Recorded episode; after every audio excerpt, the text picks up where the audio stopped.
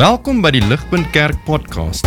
As Ligpunt Gemeente is dit ons begeerte om God te verheerlik deur disippels te wees wat disippels maak en 'n kerk te wees wat kerke plant.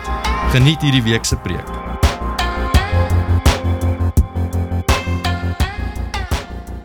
Teks het ons vanoggend doen 'n baie bekende stukkie, Marieke het vir ons gelees Lukas 19 vers 1 tot 10, Jesus wat ontmoet met Saggeus. Ons gaan letterlik so al vers vir vers deur die stukkie werk vanoggend, maar voor ons daar kom, is dit vir ons goed om so klein bietjie te backtrack, bietjie terug te gaan na uh, hoofstuk 18 in Lukas. Want ons het nodig om te sien hoe Lukas hierdie hele storie eintlik vir ons skets. Hy plaas hierdie ontmoeting van Jesus met Saggeus baie naby aan Jesus se intog in Jerusalem sy laaste week op aarde. En hy trek eintlik as ware 'n klompie temas bymekaar. So dis goed vir ons om bietjie terug te staan, bietjie te kyk na wat aangaan in uh in hoofstuk 18 spesifiek. Ons het al een of twee preke uit hoofstuk 18 gehoor, maar is nog steeds goed om dit te doen. Dis letterlik asof hoofstuk 18 die scene set um vir wat gebeur tussen Jesus en uh Saggeus, amper sê ek Jesus en Lukas. Nou geval in Lukas vind ons verskeie stories. Ek gaan nie deur hulle almal gaan nie. Ons gaan hulle almal lees nie. Ehm um, ons gaan dit ook op die bord hê. Dit is relatief bekende stories vir ons. Daar's ses stories. Ons gaan nie na almal kyk nie, maar daar's 'n paar wat ek graag vir ons wil uitlig. Eerste een daarso is die storie van die persistent widow. Heel aan die begin van Lukas. Kry ons hierdie storie van hierdie weduwee wat geregtigheid soek teenoor haar teenstander. Dis die woord wat die Afrikaanse Bybel vir ons gebruik. Sy vra dit van 'n regter, maar die Bybel sê vir ons die regter is nie 'n godvreesende man nie. So hy steur hom nie aan haar nie. Hy stoot haar op sy. Maar sy is persistent. Sy hou aan en sy hou aan en sy hou aan tot so 'n mate dat hy moeg word vir haar en op die oomblik vir haar die geregtigheid gee wat haar toekom.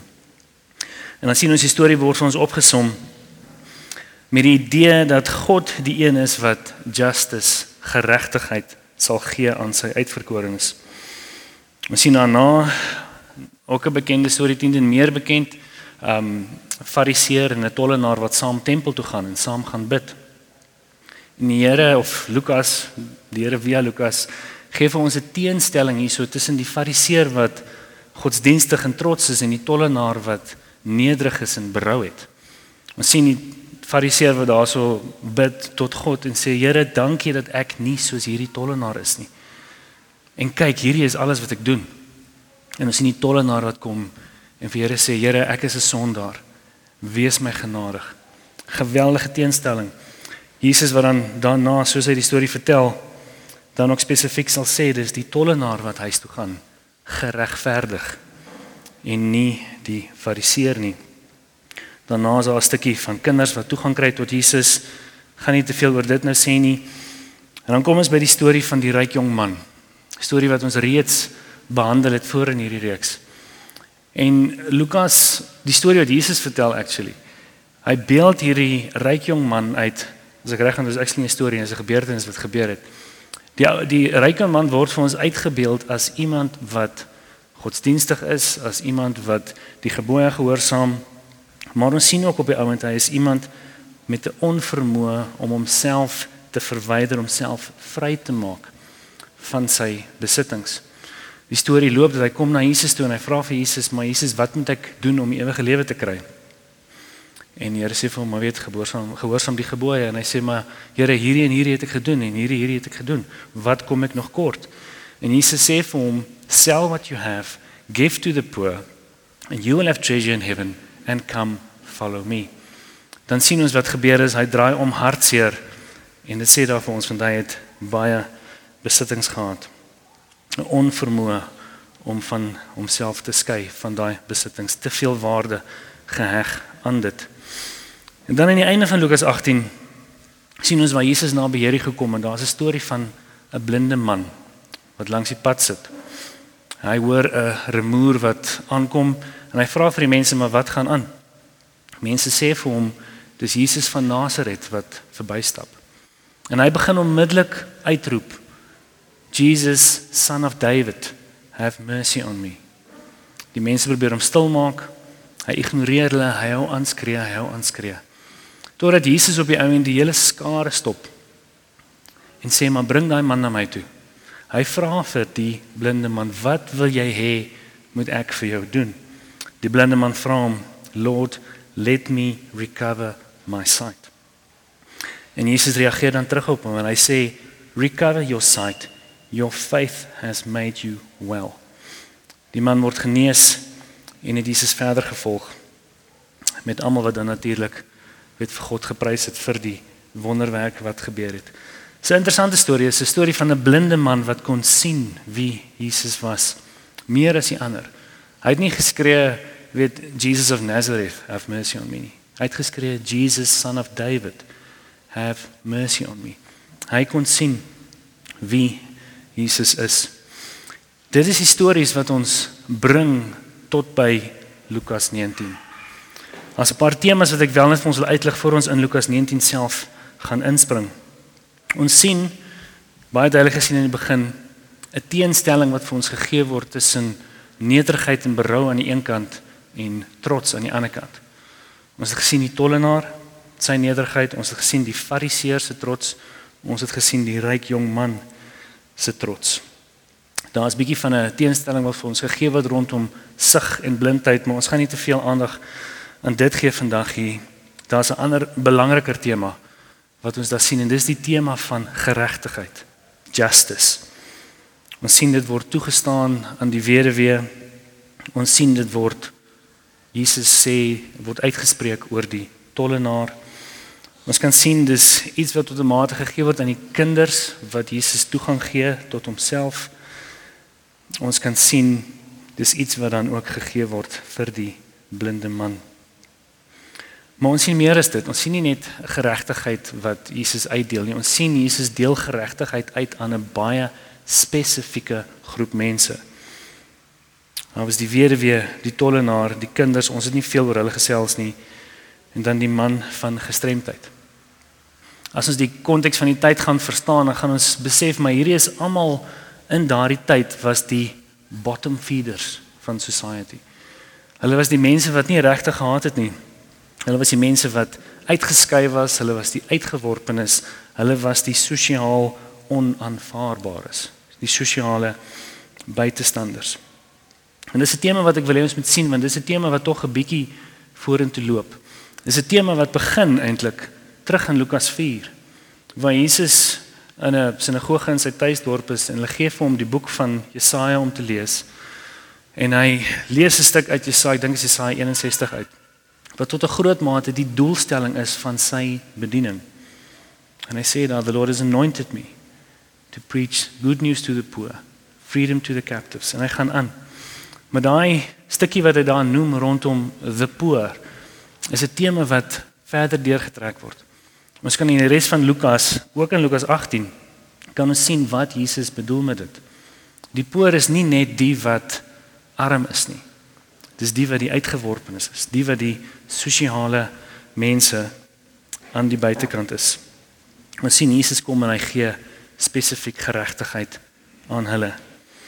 En dan sien ons die teenstelling met die fariseer en die ryk jong man wat spesifiek nie sy geregtigheid ontvang nie. So dis die backdrop. Vat al daai sit dit in julle agterkoppe.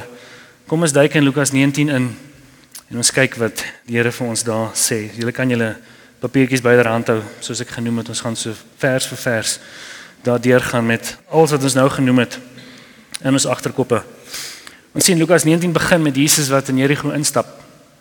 Maar dit skuif onmiddellik na die man met die naam Saggeus. En daar's twee goed wat vir ons genoem word rondom die man met die naam Saggeus. Daar word vir ons gesê he is a chief tax collector en 'n woord vir ons gesê he is rich.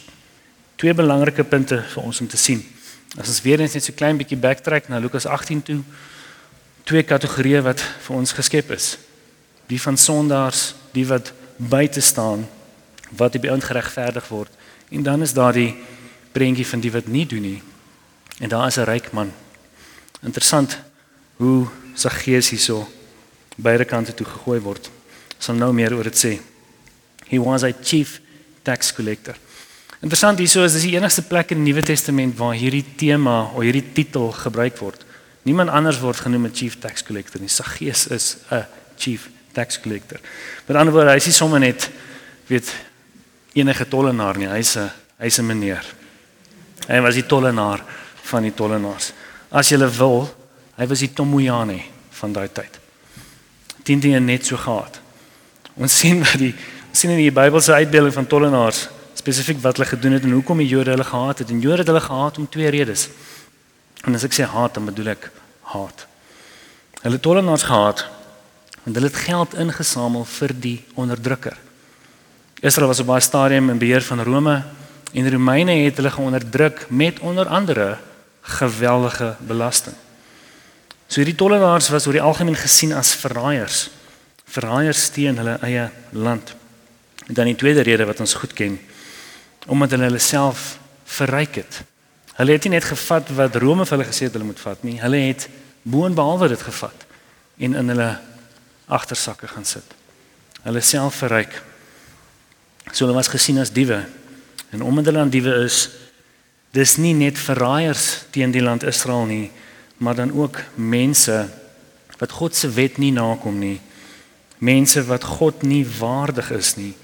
Mense wat nie waardig is om kinders van Abraham genoem te word nie.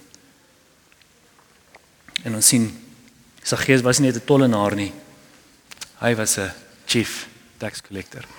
So ek dink nie ons kan die mate van haat wat die Jode teenoor hierdie spesifieke man gehad het regtig oorskat nie. Dit was wesenlik. En dan tweedens word vir ons gesê hy was ryk. Gegee sy posisie was hy 10 teen 1 nie net ryk nie, hy was stinkryk. Hy het baie gehad. Baie besittings en baie geld. En soos ek net nog genoem het, Lukas doen dan iets interessants met hierdie twee goed. Hy plaas vir Saggeus hierso in beide die twee kategorieë wat ons gesien het in Lukas 18. Hy is iemand wat uitgestoot is, maar hy is ook iemand wat ryk is. Hy is deel van die prentjie van the poor, maar hy is ook the rich gaan dan voort in die volgende volgende vers in vers 3. En daar is die twee volgende goed wat oor Saggeus genoem word. Hy sê daarso he was seeking to see who Jesus was. sien weer die tema van sug. And he was small in stature. Hy wou bitter graag vir Jesus sien. Maar hy het 'n probleem gehad. Hy was kort. En tussen 'n skare, die veel wat kort is, sal weet tussen 'n skare kan 'n kort persoon nie goed sien nie. En nie net dit nie, die res van die mense het 10 teen 1, selfs hulle se kort, hulle het neergekyk op hom. Hulle het hom absoluut gehaat. So hy sou nie eens deur die skare kon beer en vooruitkom om vir Jesus te sien nie. Hy kon dit nie doen nie. So hy het 'n wesenlike probleem vir 'n man wat graag vir Jesus wou sien. Ons sien ons in vers 4, hy maak 'n plan. Hy kan sien waar Jesus op pad is en hy kan sien daar's 'n boom. Daar's nog nie so baie mense nie, die skare is minder. Hy hardloop vooruit. Hy klim in die boom van waar hy dan vir Jesus kan sien. En dan sien ons in vers 5 uh, 5 dat Saggeus kry toe aansienlik meer as waarop hy gebaken het. Baie meer as waarvoor hy gehoop het. Ons sien Jesus kom. Jesus kom stop onder die boom, kyk op na hom toe. Roep hom op sy naam en sê vir hom Zacchaeus, hurry and come down for I must stay at your house today sy reaksie dan in vers 6 so he hurried and came down and received him joyfully en ons sien die reaksie van die ander mense and when they saw it whoever they are they all grumbled en dit is teenoor Jesus nê nie teenoor sy gees nie because he Jesus has gone in to be the guest of a man who is a sinner Hier is 'n oomblik waar ons vir 'n tydjie 'n bietjie by moet stil staan want hier is iets ongeloofliks aan die gebeur. Ons sien hier 'n prentjie van Jesus se absolute grenslose vrygewigheid. En vir dit moet ons weer eens besef wie sa Jesus en besef wie Jesus is. Jesus die ware God, die seun van God, die beste uitbeelding wat ons ooit op aarde van God sal hê. Hy kom na Saggeus toe. Hy kom na Saggeus, die chief tax collector toe. Hy kom na Saggeus toe, die man wat sy rykdom verkry het op oneerlike maniere. Absolute absolute perfektheid, absolute sondeloosheid aan Jesus se kant. Kom na Saggeus toe, kom na 'n sondaar toe. Kom na iemand toe wat in daardie tydperk die versinne beelding was van 'n sondaar. En hy spandeer tyd met hom, hy spandeer nie net tyd by hom nie, hy gaan by hom tuis. So Jesus hierso tot 'n groot mate plaas sy reputasie op die spel. Want hy spandeer tyd, hy gaan tuis met 'n man wat 'n uitgeworpene is. In daardie tyd om by iemand tuis te gaan was 'n simbool van gasvryheid, soos maar by ons ook, maar dit was meer as dit. Dit was as jy iemand genooi het om by jou tuis te gaan, dan was dit nie net 'n uitnodiging om te kuier nie, dit was 'n uitnodiging om deel te neem aan jou lewe. Om letterlik om hulle in jou lewe in te nooi. En om daai gasvryheid te ontvang was om dit te aanvaar, daai uitnodiging te aanvaar in daai persoon se lewe in te klim en deel te neem aan dit. En ons sien hierso Jesus doen eintlik 'n amazing ding. Hy wag nie vir sy gees om 'n uitnodiging te gee nie. Jesus is die een wat die uitnodiging gee.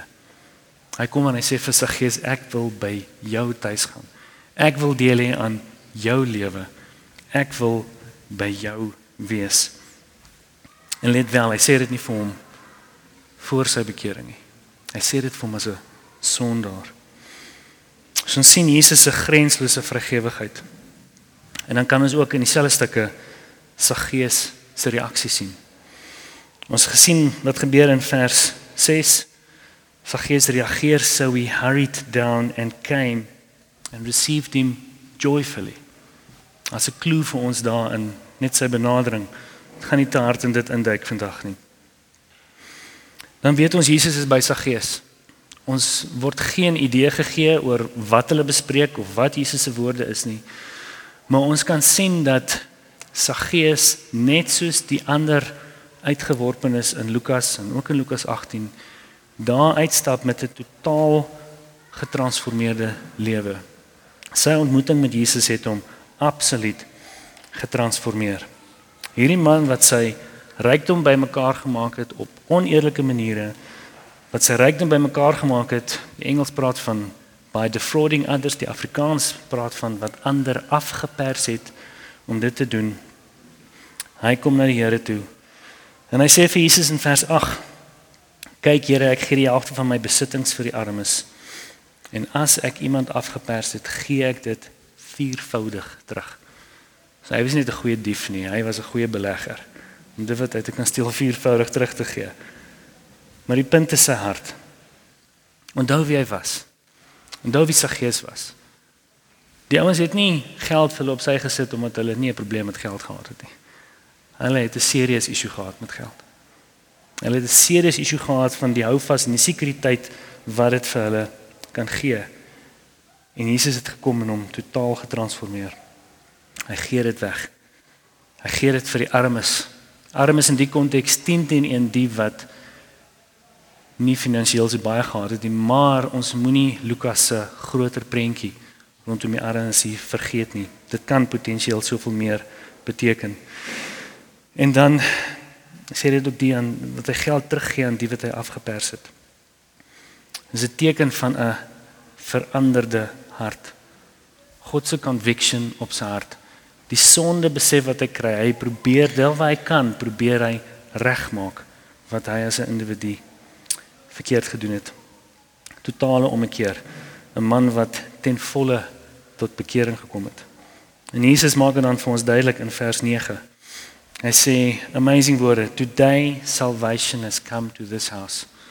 En hy sê since he verwysende na sy gees, he also is a son of Abraham. Die Jode sou na sy gees gekyk het en gesê het hy is nie waardig om 'n seun van Abraham genoem te word nie. Jesus kom en sê hy is. Sy gees is ook 'n seun van Abraham. Weereens is dit vir ons 'n plek waar dit goed is om 'n bietjie stil te staan. En weereens wil ek hê kom ons trap net gou so klein bietjie terug en kyk net weer eens hoe die temas van Lukas 18 hier inkom. Ons sien 'n vinnige teenstelling weer of die teenstelling wat ons gesien het rondom geestelike sig, geestelike blindheid. Sy gees wat Jesus wou sien, Jesus wat vir hom daai sig gee. Maar dan ook meer spesifiek die berou en nederigheid versus trots teenstelling wat ons gesien het. Sy gees word vir ons hier geplaas en spesifiek sy reaksie word geplaas in kontras met die ryk jong man van Lukas 18. En dan sien ons natuurlik die tema van geregtigheid. Die geregtigheid wat sy gees ontvang, maar dan meer as dit die geregtigheid wat sy gees uitleef na ander. Totaal die teenoorgestelde van sy verlede. So ons sien 'n mooi volle prentjie hierso. Ons sien 'n prentjie van 'n God, 'n vergewige God wat kom met 'n sondaar engage. Sy geregtigheid aan hierdie sondaar gee. Die sondaar se hart verander en hoe dit uitvloei in daai sondaar se lewe in geregtigheid teenoor ander mense. So ek wil 'n bietjie inzoom hierso. En die onderskeid tussen die ryk jong man en sy gees vir ons 'n bietjie meer duidelikheid te gee oor wat hierdie vir ons beteken. Ons het net nou gesels oor die storie van die ryk jong man. Ek gaan dit maar herhaal. Hoe ons sien hy was godsdienstig, hy was gehoorsaam aan die wette van God. Hy het vir Jesus gevra wat meer moet ek doen om gered te raak en dan Jesus se woorde. Ons het dit genoem, ons noem dit weer. Sell what you have, give to the poor and you will have treasure in heaven. And come, follow me.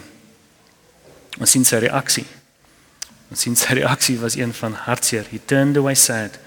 Hy kon homself nie losmaak van sy besittings nie. Ons sien die teenpool van sy gees, 'n tollenaar, 'n sondaar. Ons weet nie presies wat Jesus vir hom sê nie, maar ons sien sy reaksie. Sy reaksie van totale vryheid, totale oorgee. Hy gee die helfte wat hy besit aan die armes. Hy gee viervoudig terug waar hy teen mense gesondig het. En dan sien ons Jesus se reaksie van beide. Die ryk jong man se reaksie, hoe moeilik is dit vir 'n ryk mens, 'n ryk man om in die koninkryk in te stap? En teenoor sy gees sê hy, "Today salvation has come to this house." So Jesus doen iets hierso in beide gevalle. In beide gevalle meet hy die ryk jong man en sy gees se geestelike gesondheid aan die hand van hulle bereidwilligheid to part with their money om ontslae te raak om vry te wees van hulle goed. As ek dit anders kan stel en dit 'n bietjie meer persoonlik maak vir ons hoe ons ons geld hanteer, het alles te doen met hoe ons onsself oriënteer teenoor Jesus. Maar ek wil dit op nog 'n manier sê en hier gaan ek Tim Keller gebruik. En hom quote, hy sê you have not really grasped the grace of God if it doesn't change your attitude toward money. Die prentjie wat hier vir ons gegee word van sy gees is dat vrygewigheid teenoor ander vrygewigheid met eintlik met alles op die ouend, né? Is 'n uitvloeisel van 'n siel wat tot redding gekom het. En sodoende raak 'n mens dan los van die materiële dinge wat aan ons gegee word. Ons sien nog 'n kontras tussen die ryk man en sy gees en dit is dat ons besittings vir ons of 'n hindernis kan wees in ons volg van Jesus of dit kan 'n manier wees waarop ons Jesus volg. So dit laat ons by 'n plek waar ons vir onsself 'n paar vrae moet vra. Vrae wat ek dink ons sal vir onsself kon vra vroeër in die reeks vrae wat oor die algemeen 'n bietjie ongemaklik is. Nie so lekker is nie. En ek gaan 'n paar van die vrae wat ek vir myself vra vir julle lys. Hoe staan ek teenoor my finansies en besittings? Verryk ek myself of leef ek Jesus se hart? Is ons gebruik van ons beursies soos die van die voorbekeerde Saggeus of is dit soos die van die Saggeus wat tot bekering gekom het? Is ons met ons beursies en ons besittings besittings selfregverdigend of is ons los van die houvas wat dit op ons kan hê? Het ek as 'n individu teenoor iemand gesondig in die proses om myself te verryk? En indien ja, hoe moet ek daarop reageer? En dan wat is my houding teenoor die armes? Die armes in die breë sin van hoe Lukas dit gebruik. Nie net die wat minder het as ek nie, maar die wat uitgeworpenes is, die wat sosiaal onaanvaarbaar is. sien ek God se hart in my eie hart. En ek dink die waarheid vir die meeste van ons is dat ons is nie so vergewig soos wat ons kan wees nie. Ons is teen meer selfregverdigend as wat ons dink. Ons hou stywer vas aan dit wat vir ons gegee is. Want ons vind 'n mate van sekuriteit daarin, ons vind 'n mate van hoop daarin. Vir almal van ons gaan dit 'n bietjie anders wees. En dan sukkel ons om vergewig te wees met alles, met onsself, ons tyd, ons huise. Ons sukkel om vergewig te wees met die evangelie en dan natuurlik ons besittings en ons geld. So ek ek weet nie van julle nie, maar as ek dit hierdie vrae worstel en antwoorde tot dit probeer gee, antwoorde wat ek amper nie wil gee nie, dan voel dit nie so lekker in my binneste nie. Maar dis presies hier waar Jesus kom en vir ons kom sê daar is goeie nuus. En ons sien dit ook hierso in die storie van Saggeus. Waar daar nie net goeie nuus is en ons kan kyk na Jesus se aksies nie, maar ook Jesus se woorde. Vers 10. Ruben het dit vir ons gelees. For the son of man came to seek and save the lost. Ons sien in die stuk wat ons doen Jesus se impak op Saggeus sy gees wat in twee kontrasterende kampe geplaas was. Sy gees was the poor, maar sy gees was dan ook the rich. En dis hierso waar ons onsself in sy skoene moet plaas. sien wat Jesus nou met hom doen. sien hoe Jesus dieselfde met ons wil doen. So sy gees deel was van the poor, so is ons deel van the poor. Sonder Jesus is ons sondaars. Sonder Jesus is ons die wat buite staan. Sonder Jesus is ons spesifiek die wat buite die koninkryk staan. Sonder die, sonder hom is ons die wat onsself verryk. En sonder hom is ons net so saggees moreel korrup. Maar die goeie nuus is is dat net soos Jesus na sy gees toe wou gaan en by hom wou tuis gaan, so wil hy by ons tuis gaan. Net soos hy sy gees se lewe wil omdraai, so wil hy kom en hy wil ons lewens omdraai. Hy wil ons hart draai en hy wil vir ons sy waardesisteem in ons harte in grafeer letterlik. So ek wil hê ons moet hierdie nie mis nie. Jesus kom nie na sy gees toe en sê vir hom, "Jesus gees, ek wil graag by jou tuis gaan, maar genade, jou huis is deurmekaar nie." Hy sê vir sy gees, "Ek wil by jou tuis gaan." Want dit kan op geen ander manier werk nie. Ons het 'n onvermoë om ons eie huis uit te sorteer, soms in die fisiese wêreld ook. Ons het 'n onvermoë om ons harte te dra, ons het 'n onvermoë om ons lewens uit te sorteer. Net Jesus kan dit doen. En ek wil dit reguit sê, ons kan nie goed genoeg wees nie. As ons daai vrae worstel, dan voel ons ons is nie goed genoeg nie. Dis aan die een kant is dit baie sleg om dit te ervaar, aan die ander kant is dit great om dit te ervaar. Want dis waar ons moet wees. Ons moet besef hoe nodig ons Jesus het. Jesus sê vir sy gees, hy sê oor sy ervaring met sy gees, salvation has come to this house. Nie omdat sy gees iets goeds gedoen het nie, maar omdat Jesus na die huis toe gekom het. Ons kan hy woordjie salvation in, in die naam van Jesus kan ons maklik verruil in daai sinnetjie. Jesus has come to this house. Salvation has come to this house. Ons 'n bietjie grawe in in Lukas en ons sien bietjie wat was die goeie nuus vir die armes. Onthou ons is hierso deel van die armes. Dan sien ons 'n paar amazing goed wat Jesus vir hulle gee.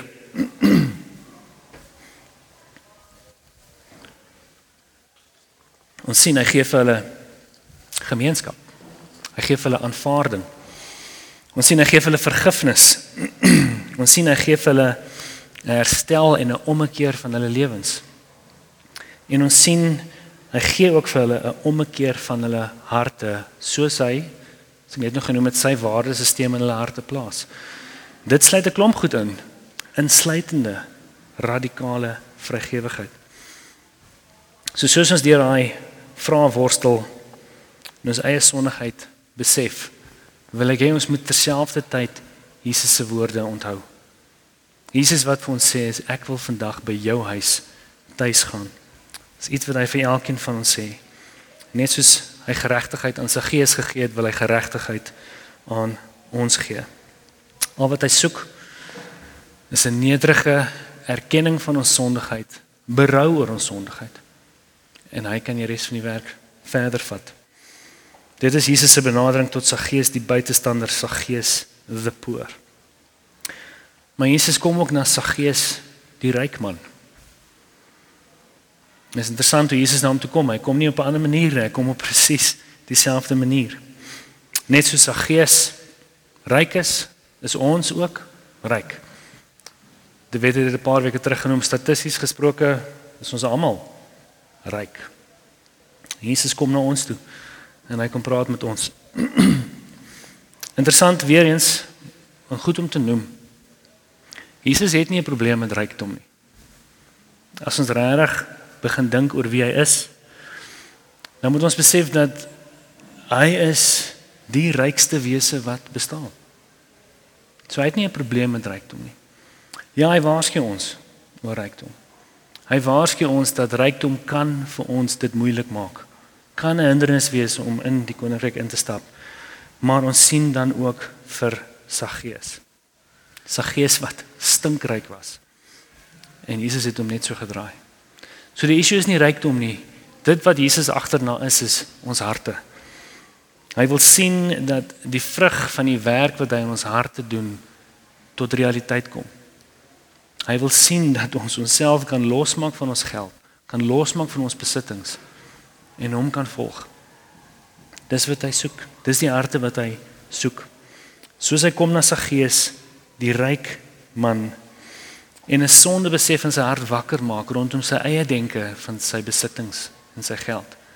So wil hy kom en dit met ons ook doen. En net soos met us being the poor, so ook met ons as being the rich. Al wat Jesus soek is 'n nederige afhanklikheid van hom. 'n Nederige erkenning van ons sondigheid en berou oor ons sondigheid en hy kan die res van die werk in ons harte doen. En dit sal dan insluit werk wat hy deur ons doen om 'n impak te hê op die lewens om ons. So die feit dat ons almal vanoggend hier so sit is alreeds so Saggeus in die boom gesit het. Ons is hier want ons wil sien wie Jesus is. Maar terselfdertyd hoor die woorde van Jesus wat hy vanoggend vir elke liewe een van ons vra. Vir elke liewe een van ons sê. Hy sê ek wil vandag by jou huis tuis gaan. Amazing woorde.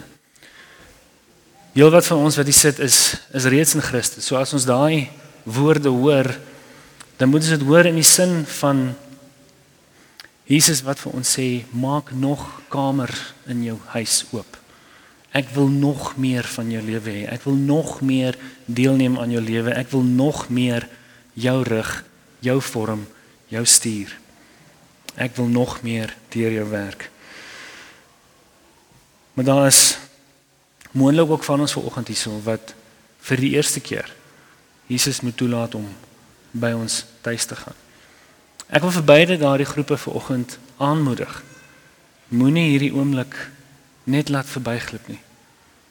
As jy vanoggend in jou hart voel dat die Here klop aan 'n deur, maak oop. Maak oop. Doen werk met die Here.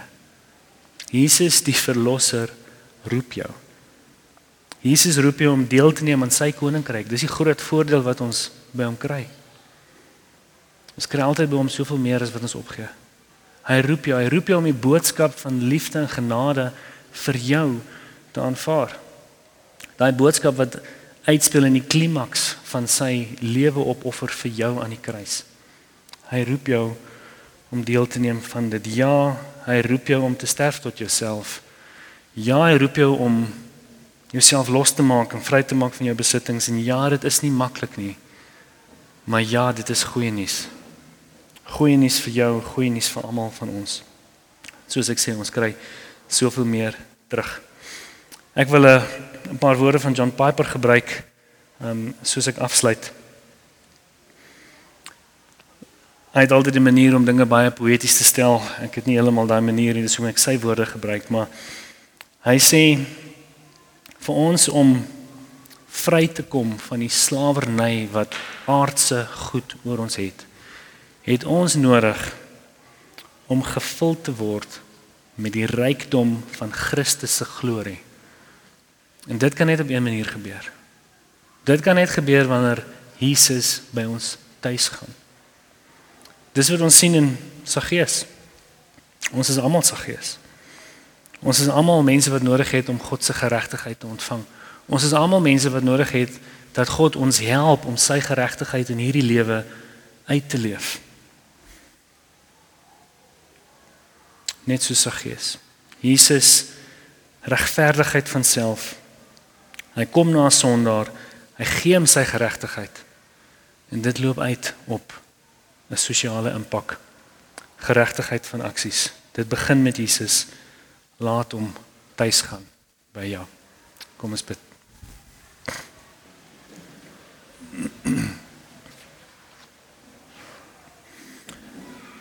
Here ons sê sê dankie vir oggend Here dat U is 'n goeie God.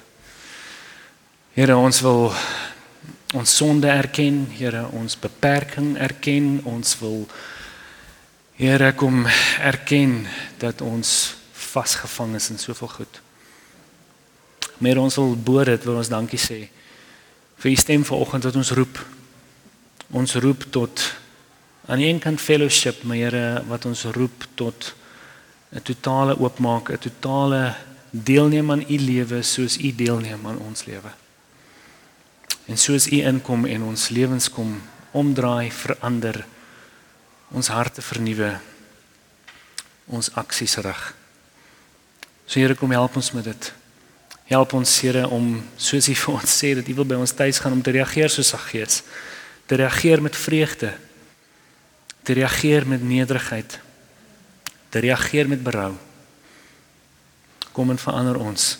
Help ons om vergewig te wees Here met U in die wêreld. Help ons om vergewig te wees met dit wat U vir ons gee. Ons het U nodig. En dankie dat ons weet dat U ons rig en ons lei en ons nie net los nie. Ons loof U in Jesus naam. Amen. Vir meer inligting oor Ligpunt Kerk, besoek gerus ons webwerf op www.ligpunt.com of kontak ons gerus by info@ligpunt.com